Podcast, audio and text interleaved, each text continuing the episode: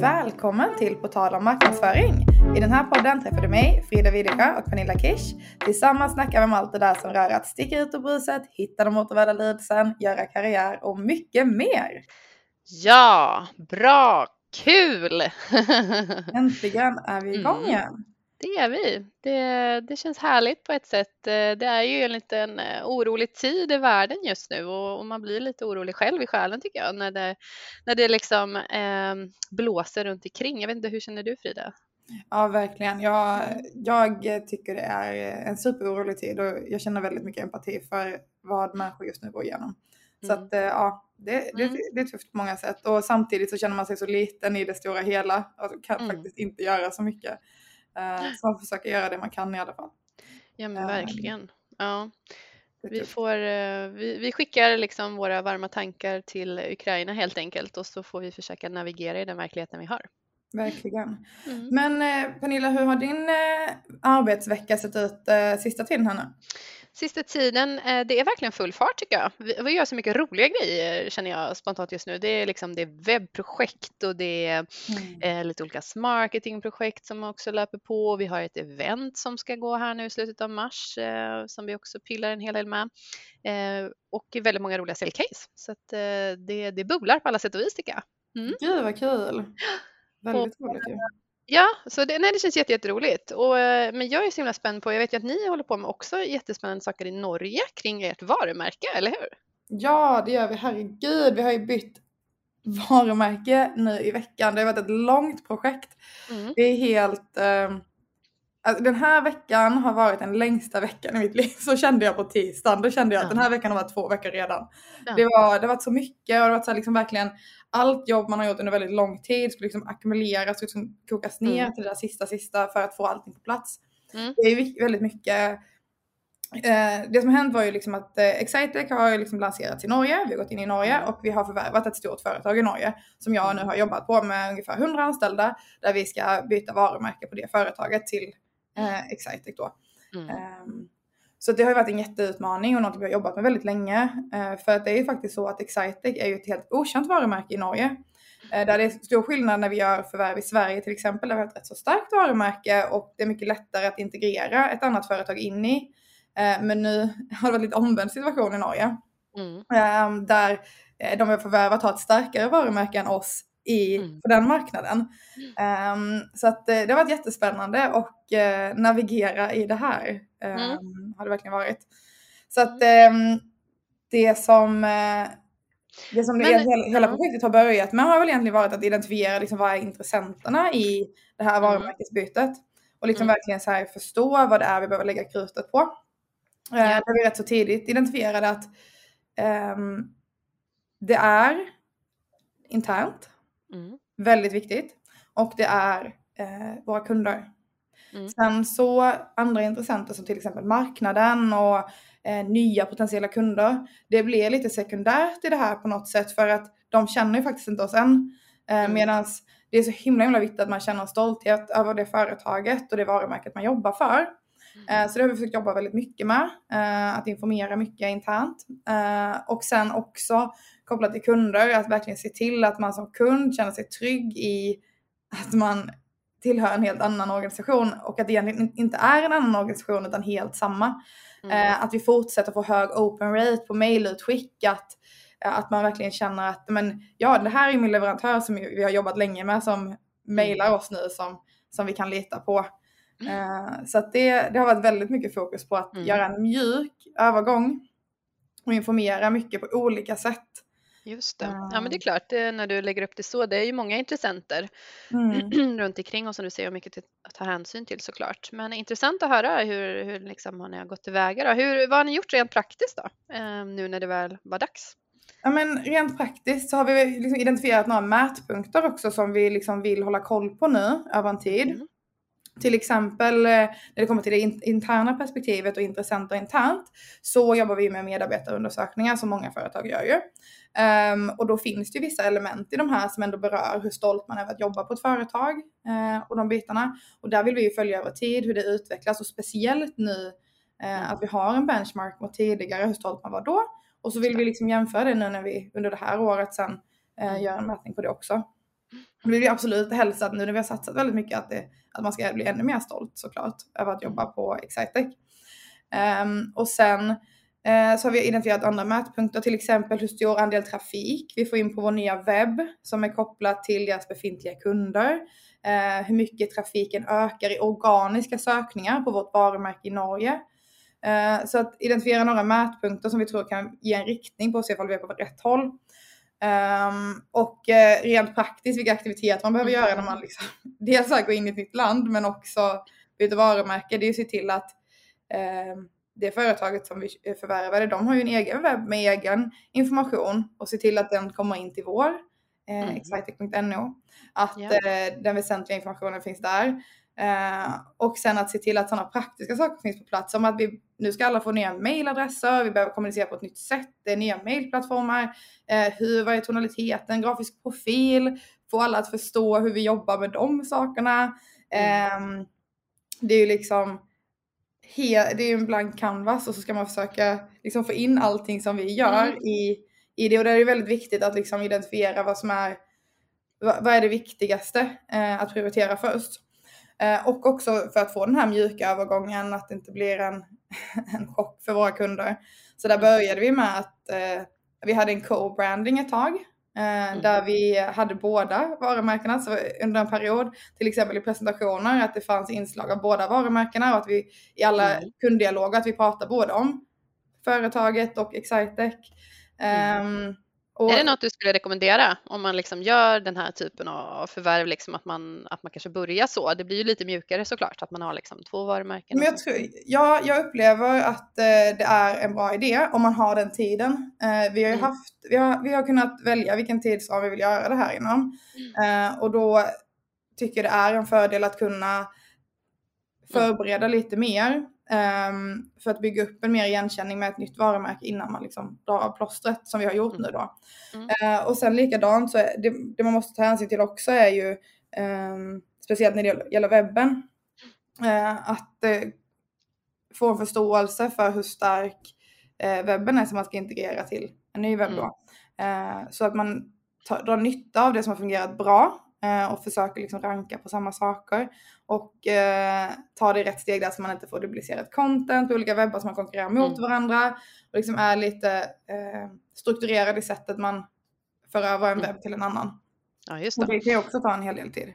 Mm. Och det är ju, vad är det nu då, sju, åtta månader sedan någonting sedan det här förvärvet, för det var ju på vårkanten mm. där 2021 då som, eh, som förvärvet skedde. Så att mm, det har gått en liten tid. Uh, precis, och uh, sen man behöver ju inte avveckla uh, webben från det gamla varumärket direkt heller, så länge man mm. har koll på vilken content man har på de respektive webbarna. Mm. Uh, och verkligen se till att man redirectar trafiken och försöker Eh, vi försöker organiskt föra så mycket trafik som möjligt nu mm. eh, innan vi kommer redirecta mm. hela webben då till eh, den nya URLen. Mm. Så att eh, men det var väldigt spännande. Det var ett långt projekt och den här veckan har varit, det var så mycket.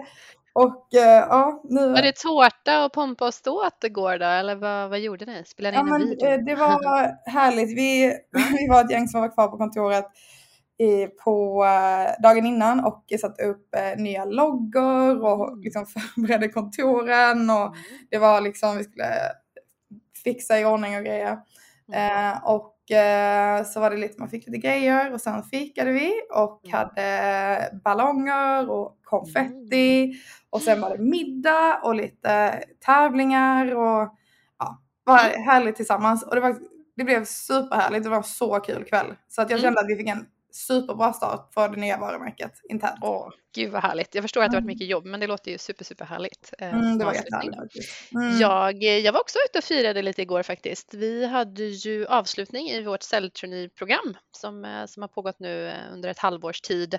Så alla våra säljturnéer kom hit till Linköping och vi hade en jättehärlig eftermiddag där vi först spelade lite paddel tillsammans och sen så hade vi såklart lite ut eh, utmärkelser och skålade och sådär och så var jag ute och käkade. Så det var också jätte, jätteroligt att få fira att de nu är eh, färdiga B2B-säljare då eh, på wow. Excitec.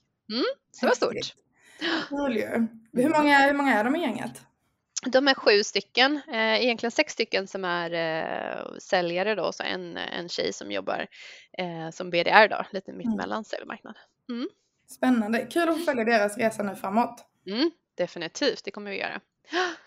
Men ja. Pernilla, idag har vi en jättespännande gäst med oss som ligger lite mm. närmre sälj faktiskt. Um, vi ska ha uh, gästen Vilma Eriksson med oss. Berätta Pernilla, vad gör Vilma för något?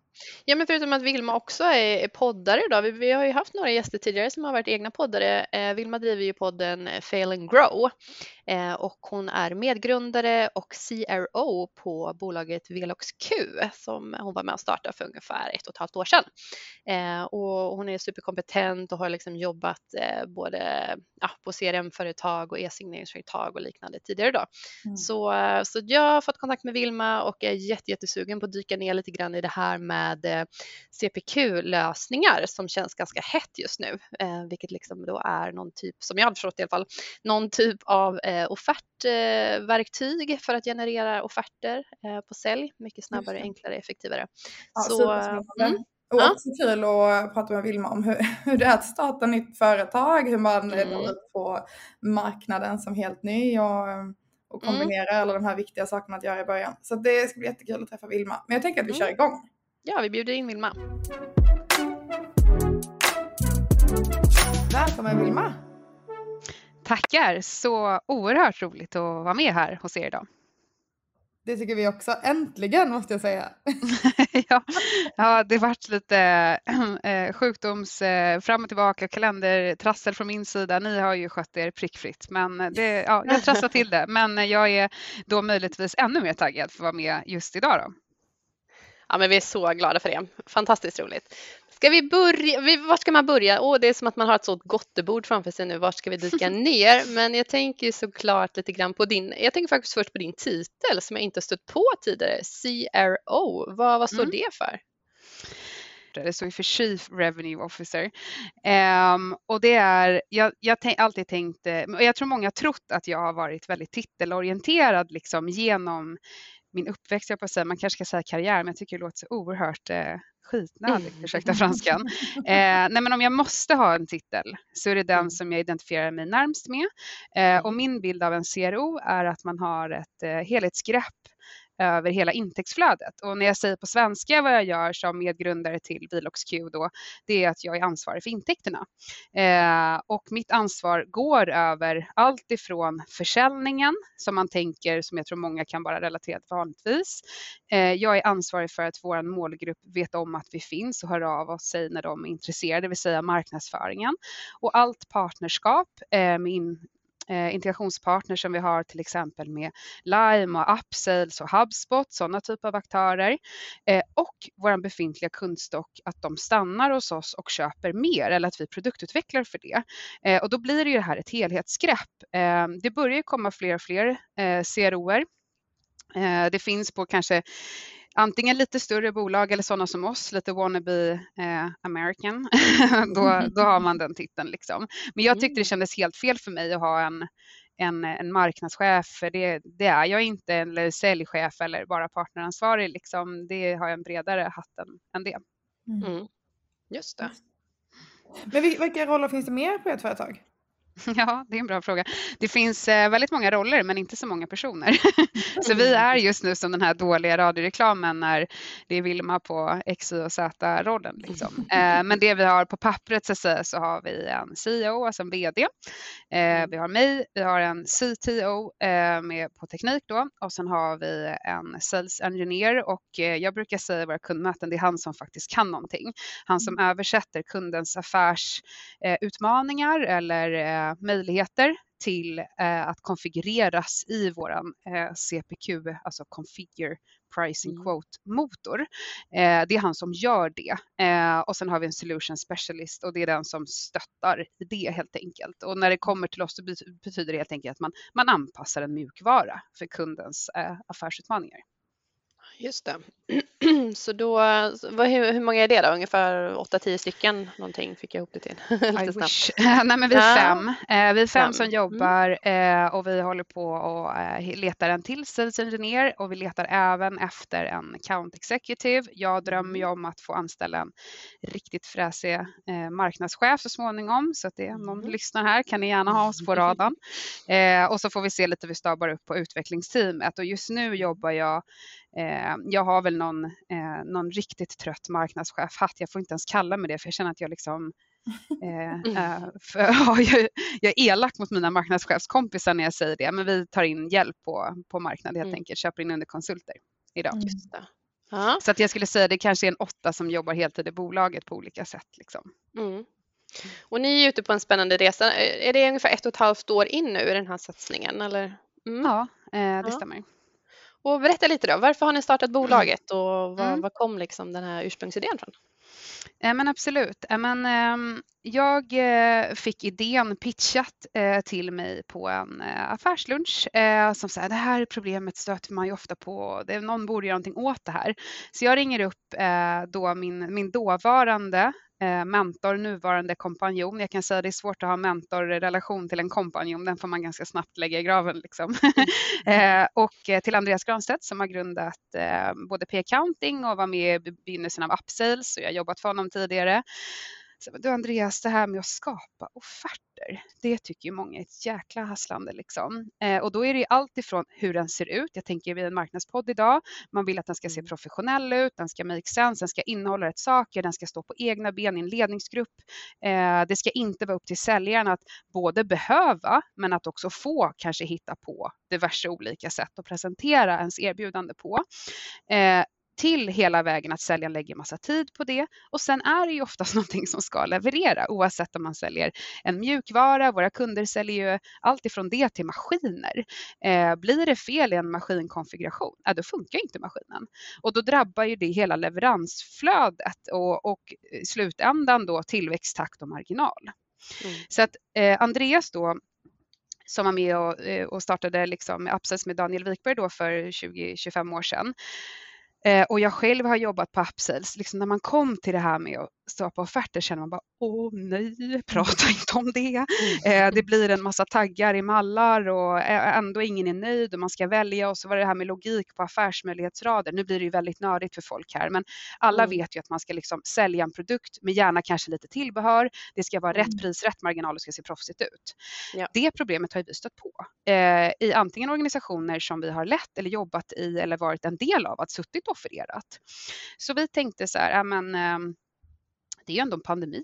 Varför inte bara säga upp sig i en pandemi eh, och starta ett bolag? Eh, typ. Mm. Eh, så sagt och gjort. Ehm, och vi såg väl en ehm, eh, enorm potential. 80 procent av alla säljare i USA har en, som man på svenska skulle säga, offertkonfigurator. Låter inte så sexigt, men man har en sån.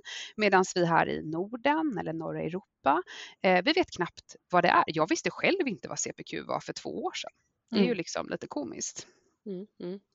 Superintressant och kul också att det bygger liksom på ett riktigt affärsproblem som ni har stött på. Det, och det måste jag ju faktiskt säga att eh, det där stöter vi också på en hel del i våra CRM-dialoger eh, och det mm. känns som att det är någon trend ute nu lite grann att man hör från fler och fler som, som självständigt kommer och säger liksom att ja, men eh, vi, vi vill digitalisera våra affärsprocesser, vår försäljningsprocess och vi tittar mycket på det här med offerter. Det har jag inte hört så mycket tidigare så att det känns verkligen som att det är på uppgång. Jag tror att det är fett ur kunden, eh, mm. alltså jag tänker kopplat till, eh, till, till marknadsföring, liksom kunden har mer och mer krav på att mm. eh, kanske inte ännu köpa själva, men bli guidade rätt. Eh, och det är allt det här med demand gen och inbound och allt man försöker hålla sig eh, ajour med som icke eh, fräsig marknadschef. Mm. Eh, då blir ju offerten en del av det.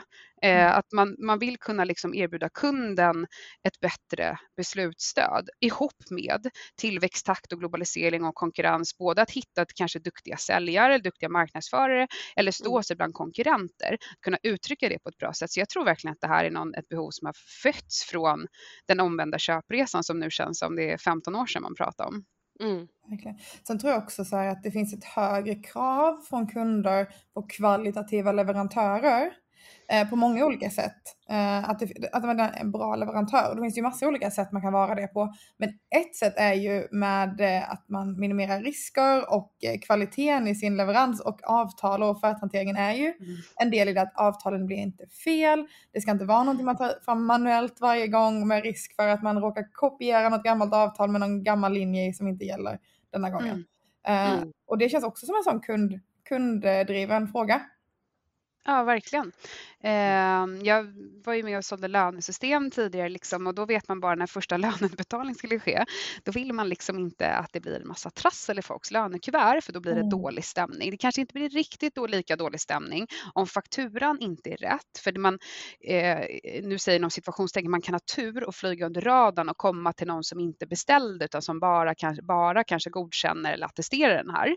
Eh, men det är lite samma grej. Det blir ju inte mm. superproffsigt eller för all del om det blir någon liten tumult om man ska diskutera avtalsvillkor. Det får inte heller vara fel. Liksom. Och det kan ju vara, mm. det ser vi som har kunder över olika marknader. Det kanske kan gälla olika lagar och regler. Eh, mm. Det kan vara olika parametrar på olika marknader beroende på vilken säljare och vilken storlek på kund. Ja. Mm. Och där har du ju helt rätt. Det kan ju bli kan ju bli superfel annars. Liksom. Mm. Och en jätterisk för bolagen. Men äh, det, jag tycker det är superspännande och det finns ju ett jättestort behov och jag pratar ju med företag rätt så ofta om CRM-system och kanske framförallt HubSpot som jag är lite extra mm. frälst i. Och eh, det kommer upp hela tiden det här med eh, CPQ och hela den här biten. Men min fråga, ni är ett litet företag, det är rätt så nystartat. Mm. Hur jobbar man med att komma ut på marknaden? ja, Eh, you tell me. Liksom.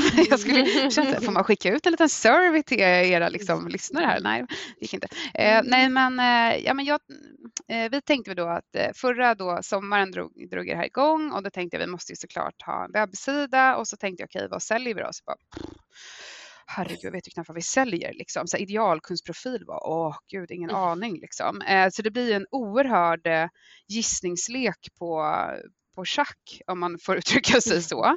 Eh, och tyvärr måste jag säga då att för att spola fram bandet lite så insåg jag att jag ville, jag ville bygga en, en tillväxtorganisation som är liksom partner, marketing, sales. Jag vill inte bygga en outbound säljorganisation primärt för att jag tycker inte att det känns Alltså det, det, känns inte schysst mot kunderna, det känns inte skalbart. Eh, det, det, det, bara blir för många ifs and buts i det. Liksom. Mm. Men vi insåg ju ungefär, kan, ja, Eh, halvvägs in då, om vi säger eh, om det har gått ett och ett halvt år, halvvägs in. Vi måste jobba outbound eh, för att eh, man vet inte att IKEA har uppfunnit bokhyllan Billy ännu. Det spelar ingen roll om vi pratar prisnära offertkonfigurator, eh, ersätta Excel eller CPQ. Så här, vi själva fattar ju knappt vad det är. Hur ska då vår målgrupp känna igen sig i det här? Så att Eh, tyvärr är det ju så, för folk kommer säkert gå in på vår hemsida och tänka den här tjejen har ingen koll på vad hon snackar om. Nej, det är helt rätt. Eh, vi har inte uppdaterat hemsidan i princip sedan dess, men för mig var det oerhört viktigt att börja där. Eh, och då hade jag ju haft tur. Så att jag hade ju glidit in på ett bananskal i marknadsteamet på GetAccept som gick ifrån, vi var ju tre, fyra, fem stycken eftersom då jag eh, ägde partnerkanalen och den åkte in i marknad eh, och sen växte vi till 20-30 pers och under hela den här liksom, den perioden gjorde vi även om hemsidan, ett jättesuperarbete. Så jag fick ju lära mig, fick en crash course i eh, ett sätt i alla fall mm. att bygga hemsida på. Så där började vi. Och sen när jag hade något typ av tänk av att tagga upp allting med, eh, ja, med lite persona så att jag då som säljarhatten kan se, jaha, hmm, var det försäljningschefen på Excitex som var inne? Ja, det var det nog för att det var någon som hade tittat på de relevanta sidorna för det, lite så här listningsleken. Lagt på mm. account-based marketing i form av retargeting, något budskap som jag tror är vettigt, hade en grund. Okej, vi måste utbilda marknaden i CPQ, eller måste vi det? Eh, det är ju jättesvårt för oss som en superliten, ny okänd aktör. Visserligen har vi väl lite så här eh, semi-influencers på Linkan, eh, jag och några av liksom grundarna, men det kommer ju inte räcka liksom. Och det kanske inte ens vår målgrupp som ser det liksom. Mm. hur gör vi nu? Och då tänkte jag att är det, var det något man var trött på så där halvvägs in, trodde man, det var ju en mm. fjärdedel in i pandemin, men man trodde det var halvvägs in i pandemin, var det webbinars. Så jag tänkte, nej, jag, jag, kan, jag kan inte dra igång webbinar. Plus att jag vet det är rätt mycket jobb att göra webbinars också.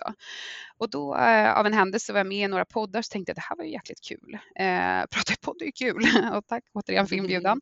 Så vi startade en podd för att bygga mm. varumärke. Och då var det också svårt. Eh, vad ska den podden handla om exakt? Um, och när jag väl har dragit igång så har ju vi en internationell, liksom den som vi ser upp till och om man tänker då eh, Upsales HubSpot, om man får dra den parallellen kanske tiden när de började prata om marketing automation, som heter DealHub. Uh, mm. Och då är det en blandning av VLOXQ skulle jag säga och GetAccept liksom ett system. De hade en podd som heter RevAmp. Så att liksom när jag redan har dragit igång Fail and Grow, då ser man de har ju också en podd. Eh, och nu mm. har vi nischat in den på samma nisch som dem. Vi säger operational excellence, de säger revenue application, bla bla bla, något fräsigt amerikanskt som jag inte riktigt kände landade kanske lika väl här med vår tonalitet.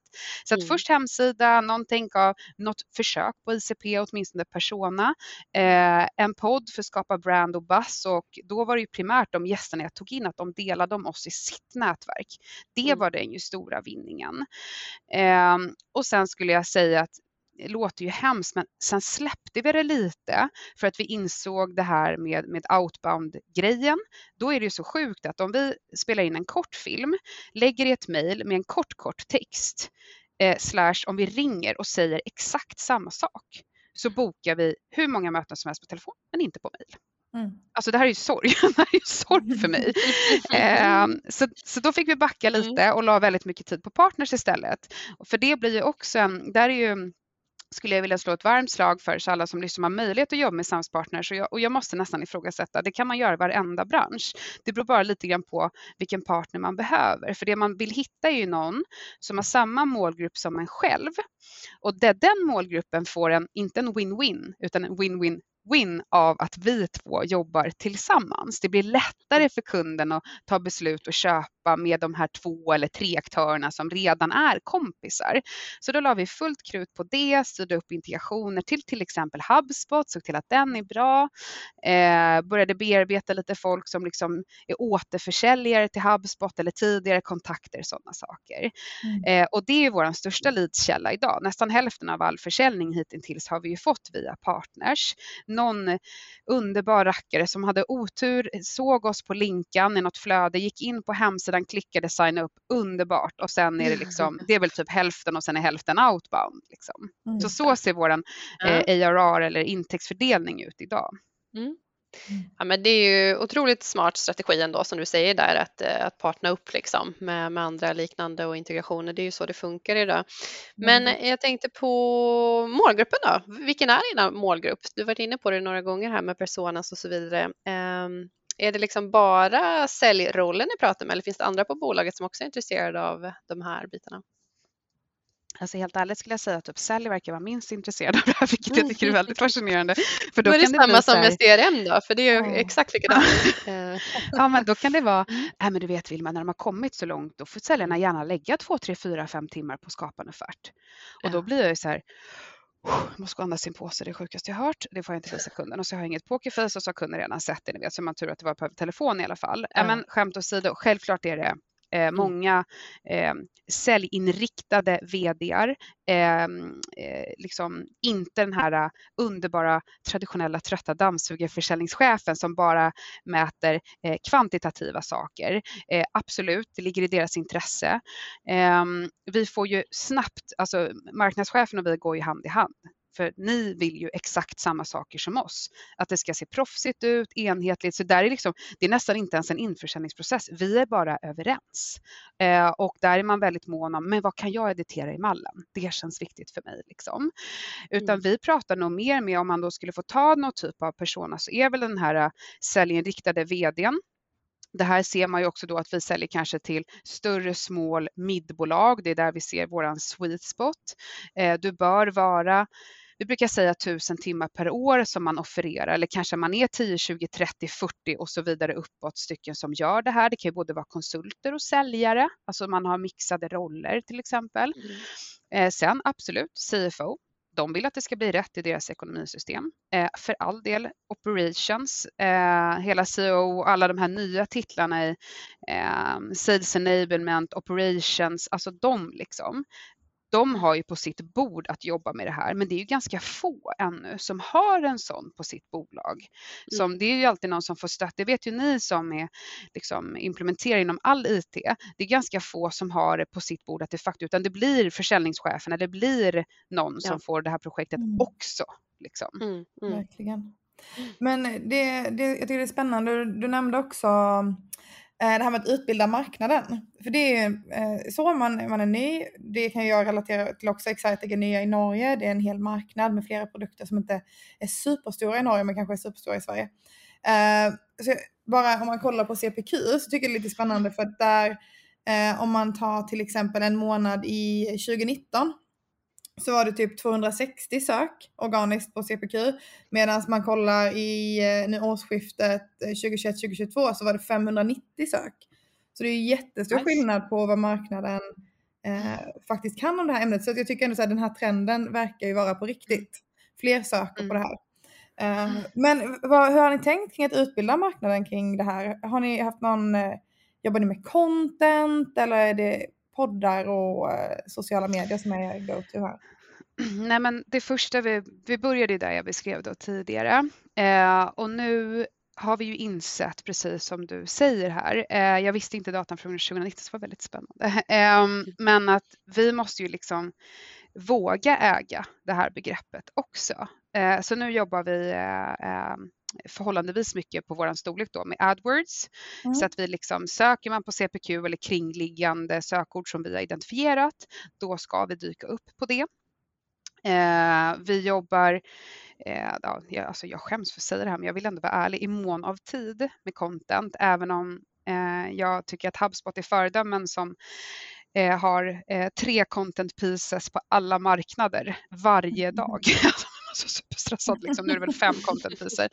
Eh, nej men content är jätteviktigt och sen så ska vi ju såklart nästa steg bli ju eh, att sprida contentet till relevanta mm. målgrupper. Men där har vi haft lite svårt att hitta. Det är en sak att hitta personas eh, och i så fall då använda Sales Navigator och man får en ping varje gång en ny Sales mm. Enablement person blir, alltså ni fattar.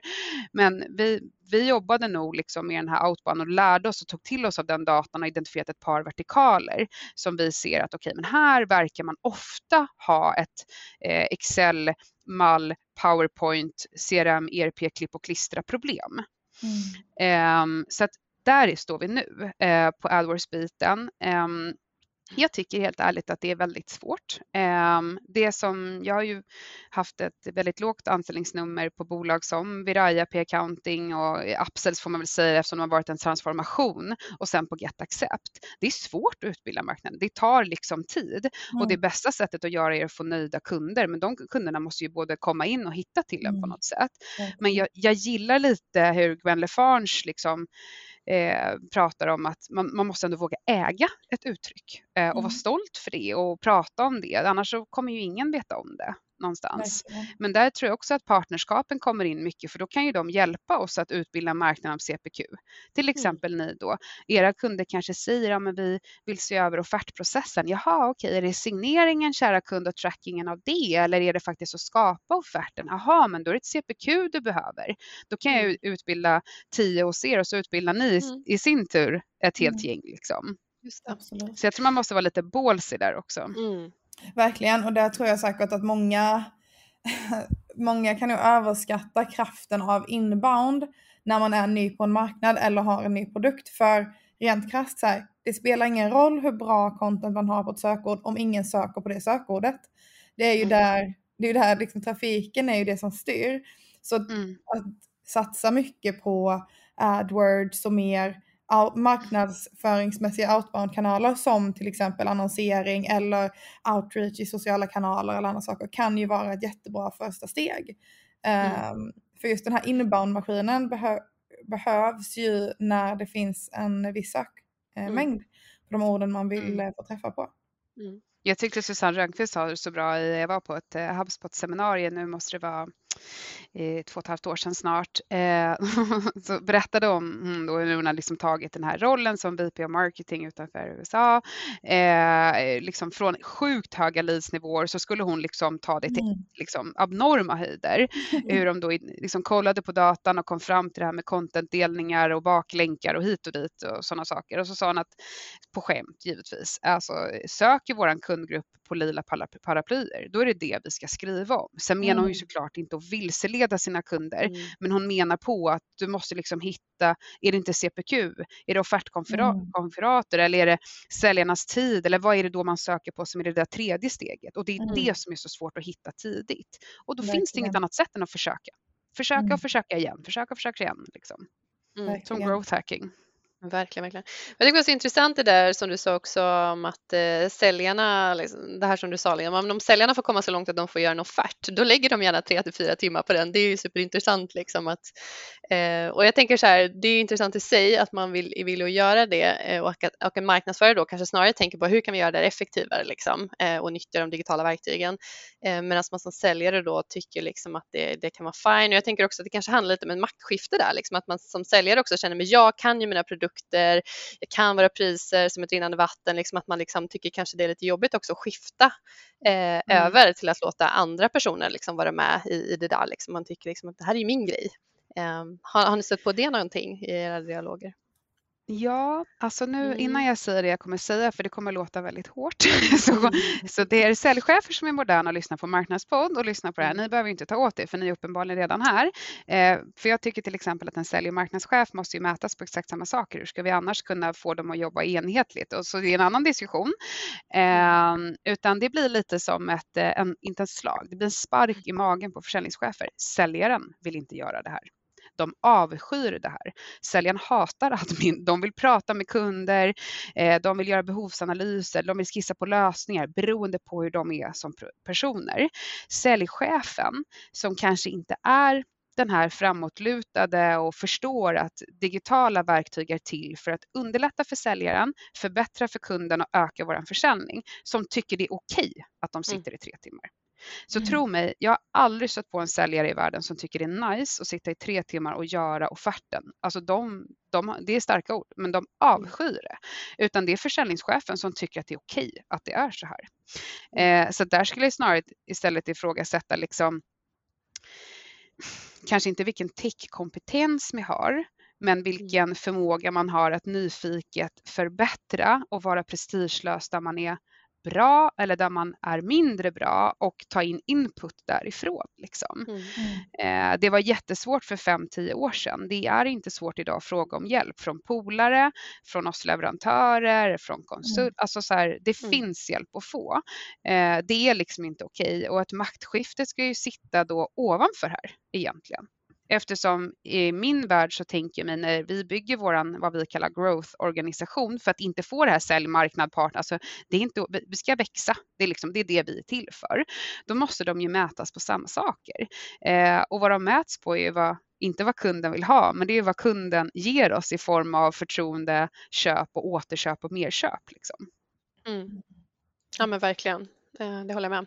Har ni, har ni planer på att bredda er? För jag tänker det här, ehm, eh, er produkt är ju liksom rätt nischad då till en liten, liten del av den stora säljprocessen. Har ni planer på, mm, att, eh, på att bredda produkten på sikt? Ja, men det var en spännande fråga. Ehm, eh, jag ser jag ser väl, vi ser väl som en stor fördel att det är nischat det är det här problemet vi löser. Liksom. Kund, om man får slänga in lite norska eller någonting här. Eh, mm. absolut, sen kan man ju, vi vill aldrig bli ett CRM. Eh, det, det har vi gjort. Eh, det finns fantastiskt bra CRM där ute. Det är också en, en eh, en, för inte säga en överexploaterad marknad så är det en väldigt liksom, mättad marknad. mm. då är det väl snarare kanske om man skulle eh, lite e-signeringshållet. Eh, där har vi ju starka samarbetspartner idag. Eh, Eh, och det kommer vi säkert ha i framtiden, att man i våran tjänst även kan signera. Eh, men då kommer det med stor sannolikhet bli ett partnerskap, liksom att vi bygger in deras tjänst i vår. Sen är ju jag sjukt färgad av att jag jobbat på Get Accept eh, och Emil som är vår VD, han har jobbat på Vine och byggt hela, hela Sverige-teamet där väldigt eh, framgångsrikt. Han, de jobbar ju också med Get Accept, att du får den här trackingen och spårningen, engagemanget med kunden, att du får det personliga i en digital värld. Jag tycker att det är outstanding och mm. helst om jag får välja så vill jag inte bygga det också. Måste vi om tre, fyra år eller vad det nu blir, då får vi väl göra det, men det är ingen ambition som vi mm. Har att gå det hållet, precis som de släpper ju en CPQ Lite. Jag tycker det är fantastiskt, det är superbra. Ni hjälper oss att utbilda marknaden och när deras CPQ Lite inte räcker, när du behöver en riktig CPQ som vi pratar med Mattias och Samir som är grundare till Get Accept, vi är överens, liksom, då behöver man vi också, man behöver inte oss innan. Utan jag ser snarare att våran bränning då går till en webbkonfigurator på riktigt, där mm. vi eh, bygger in den här säljarkompetensen och erbjuder kunden det direkt. Det är alltså inte en e-handel. Eh, det kan vara att man också köper, men då kan man ju likväl ha en e-handel kan jag tycka. Mm. Utan vi, är, vi hjälper kunderna att ta beslutet och guida dem till vilka val de kanske ska lägga i e-handeln och att du då får en offert skickad till dig med Get Accept eller motsvarande aktör med den här spårningen och trackingen och videon och allt mysigt och chatten mm. som de mm. har. Liksom. Just det. Så jag, Nej, jag ser det... en styrka att vi är nischade. Ja, men ehm. det, det har du nog rätt i. Det, det är nog smart också ur marknadssynpunkt då. Det blir ju också lättare kanske. Ehm, men mm. vilka marknader finns ni på nu då? För det är ju såklart också en, en möjlighet liksom att man, eh, man går till fler marknader istället, även om man då har en nischad målgrupp och löser ett väldigt nischat problem för kunden. Vilka marknader finns ja. det på nu? Önskar att den kändes så nischad, vår målgrupp. Vi vet vilka problem de har, men inte alltid vilka vertikaler de finns så att säga. Um, eh, nej, men eh, vi har eh, kunder i alla nordiska länder. Mm vilket vi är väldigt stolta och glada över och väldigt tacksamma för det förtroendet. Mm. Nästa steg blir väl liksom att aktivt bearbeta en marknad. Eh, och med den erfarenheten jag har då av att resa res runt till, jag på säga, varenda håla i norra Europa kändes det som ett tag med Get Accept mm. också väldigt omiljövänligt så det var ju bra att en pandemi kom. Man lärde folk att man kan jobba digitalt. eh, så, så, får jag en känsla av att den finländska och holländska marknaden är väldigt långt framme vad det kommer det digitala. Mm. Eh, men eh, om någon där ute har tips och tricks om det här så mottar jag det varmt.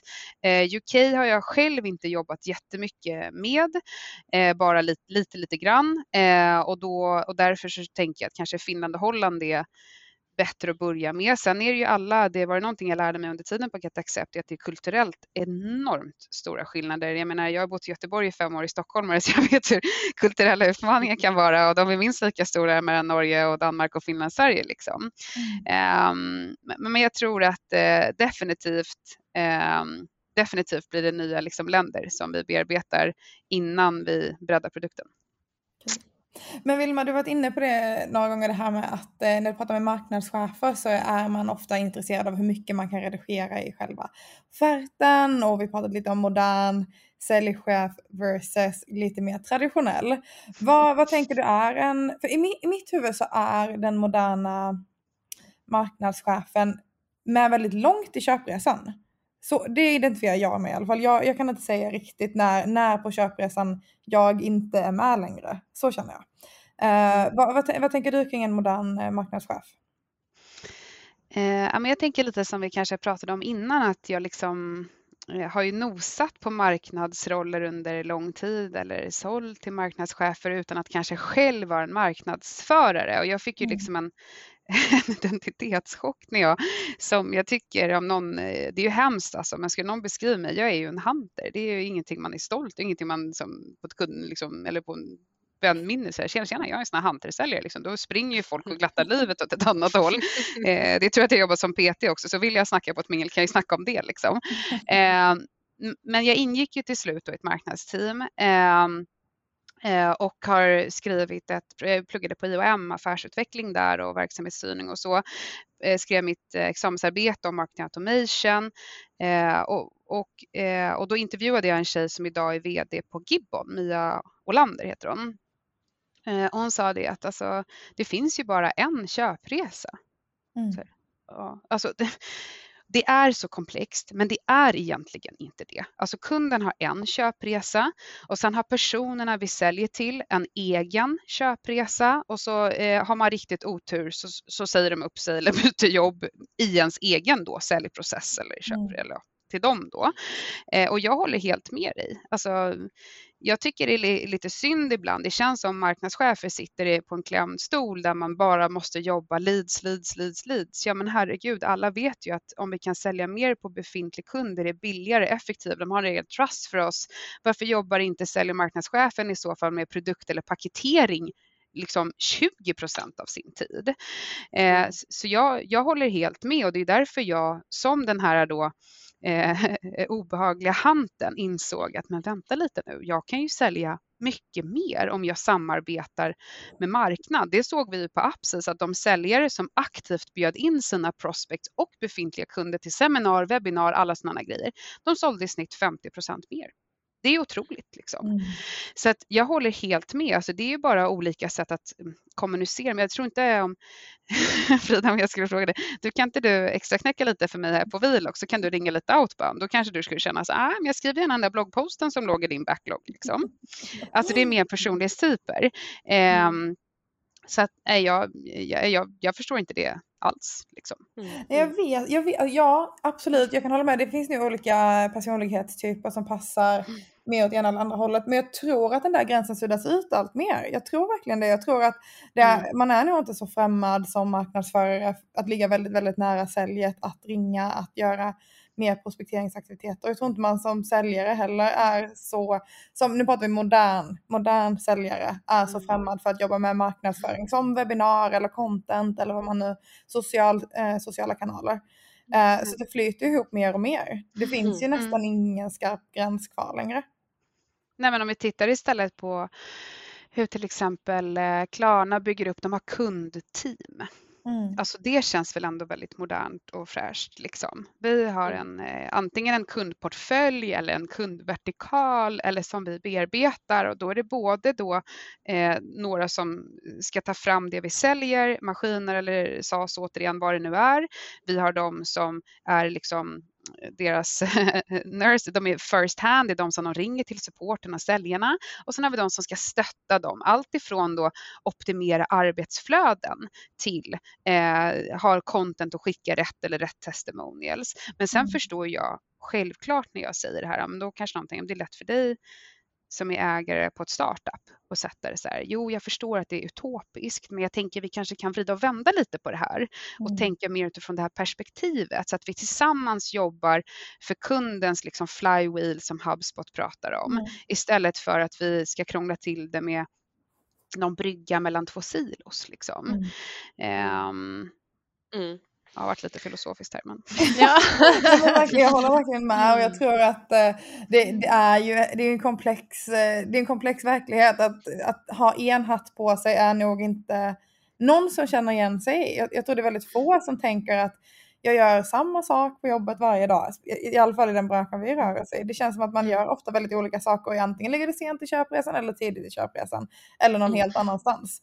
Men så länge varje sak man gör är på rätt riktning med eh, liksom intäktsströmmen i bakhuvudet så känns det som att mm. Mm. Då, då, spelar inte det där andra så himla stor roll. Och det kanske är det som är modernt. Eh, att, mm. eh, att våga släppa utanför den där eh, boxen som, eh, som ändå finns någonstans. Mm. Ja, sen kanske man inte behöver ändra allt, men man kan ta in det som delprojekt. Eh, att liksom, ja, men nu ska vi utmana oss i eh, befintlig kund. Hur kan vi mm. kommunicera mer enat till dem? Och så ska vi, ska vi ha ett intäktsmål på det. Eh, och hur når vi då det bäst? Alltså, mm. Det behöver inte vara att man eh, skrotar allt man har gjort och gör något helt nytt. Det, det fattar jag, det, det är i princip mm. omöjligt och det skulle ju bara vara antagligen affärsidiotiskt, inte kritiskt utan affärsidiotiskt. Liksom. Nya ehm, begreppet, mm. affärsidiotiskt. Det finns de som kan Det finns affärskritiskt, sen finns affärsidiotiskt. Man får hålla ja, men... Trademark Vilma. Superbra hörni. Nej, men jag tycker ni summerade jätte, jättebra. Jag tycker, att vi, jag tycker att vi rundar av där. Men, men innan vi tackar så mycket Vilma för att du ville vara med så är jag nyfiken på vad händer i vår hos er? Han är ja. på gång. Mm, vad som händer i vår hos oss är ju att eh, vi eh, ska leverera till alla våra nya kunder som har gett oss förtroende. Eh, och förhoppningsvis är det flera kunder som vågar hoppa på det här tåget också, både då göra sin egen förändringsresa och välja en eh, uppstickande aktör. Eh, det är ju lite en typ av personer som, som vågar göra det. Eh, för trygga det jobbar vi mycket med G2, det skulle man kunna prata ett annat avsnitt om, men med G2 Crowd till exempel. Så det är en, det är en stor fokus eh, och det är också då kopplat till de här rekryteringarna som vi gör. Och sen är ju vi ett eh, tillväxtbolag. Vi har väldigt höga tillväxtambitioner eh, och de hoppas vi kunna liksom nå. Men som det ser ut just nu så taktar vi bra mot årsbudgeten men det där kan man aldrig ta för givet helt enkelt. Just det, superhärligt. Ja men stort lycka till med, med era tillväxtplaner. Det blir intressant att följa er resa. Frida, vad brukar, vi säga till, eh, vad brukar vi säga här i slutet? Om ni har tyckt det här var intressant, du gör det så bra, du får göra det. ja, men då brukar vi säga så här. Stort tack till dig Vilma och stort tack till dig som har lyssnat. Tyckte du det här var spännande och intressant så ska du följa eller prenumerera på den plattformen som du lyssnar på så hörs vi mer längre fram.